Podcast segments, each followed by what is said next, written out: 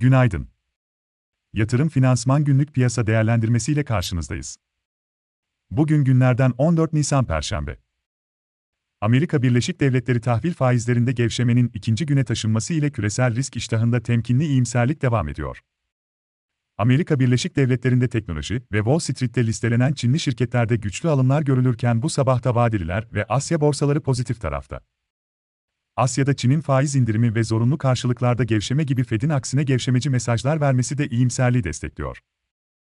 Enflasyon kaygıları, Fed'den agresif sıkılaşma ve jeopolitik riskler ise halen masada. Buna karşın, kısa vadeli momentum kazanımının Amerika Birleşik Devletleri endekslerini 200 günlük hareketli ortalama üzerine taşımasını teknik açıdan olumlu değerlendiriyoruz ve devam edebileceğini düşünüyoruz. Bugün içeride PPK, dışarıda ECB ve Amerika Birleşik Devletleri perakende satış verileri gibi önemli ajanda başlıkları volatilite yaratabilir. Biz de pozitif açılış bekliyoruz. 7 haftada Türk lirası bazında %32, dolar bazında %27 yükselen ve bu dönemde para girişi ile momentum kazanan BIST'te yatırımcı ilgisinin ve dışarıya görece pozitif ayrışmanın devam edeceğini düşünüyoruz.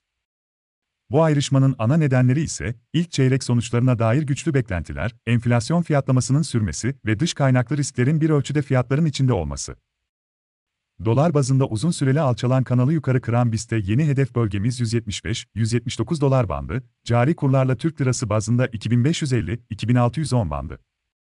Şirket değerlemeleri üzerinden hesapladığımız orta uzun vadeli endeks hedefi ise 2700 civarına işaret ediyor, ancak birinci çeyrek sonuçları ardından bu hedefin yukarı revize edildiğini görebiliriz.